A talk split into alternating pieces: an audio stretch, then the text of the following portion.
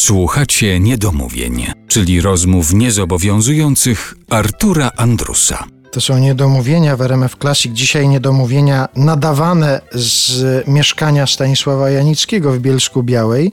Mówimy o tej pana działalności dziennikarskiej. Pojawiła się działalność reżyserska.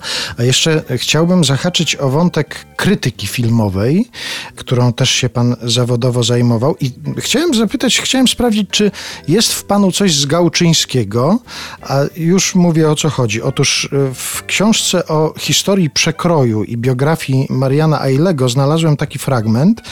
Niepowodzeniem zakończyła się na przykład próba uczynienia z Gałczyńskiego recenzenta filmowego przekroju. Za pierwszym razem przyniósł tekst napisany bez obejrzenia filmu, sklecony w pośpiechu, jedynie na podstawie wystawionych przed kinem fotosów. Za drugim razem zaprowadzony do kina przez Ipochorską, zasnął podczas seansu, irytując widzów głośnym chrapaniem.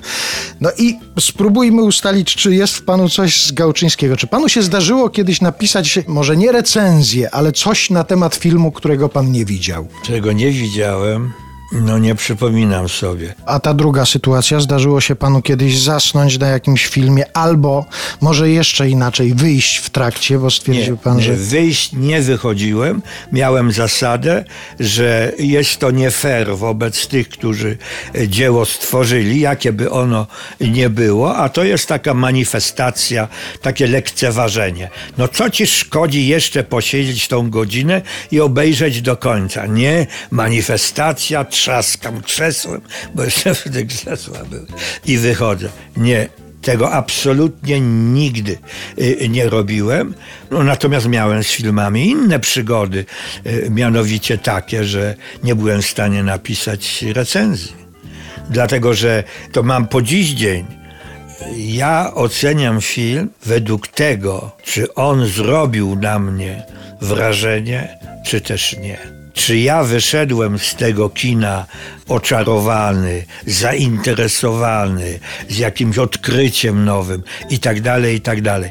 Były dwa takie filmy, Mianowicie pierwszy to była ballada o żołnierzu Grigoria Czuchraja, który mnie po prostu powalił. I drugi to była René Clemonta, Zakazane zabawy. E, Szefem moim przy obydwu był Bolesław Michałek. Ja mu powiedziałem, ja nie jestem w stanie napisać tego. No ale to był cwany list. Zaczekaj do jutra.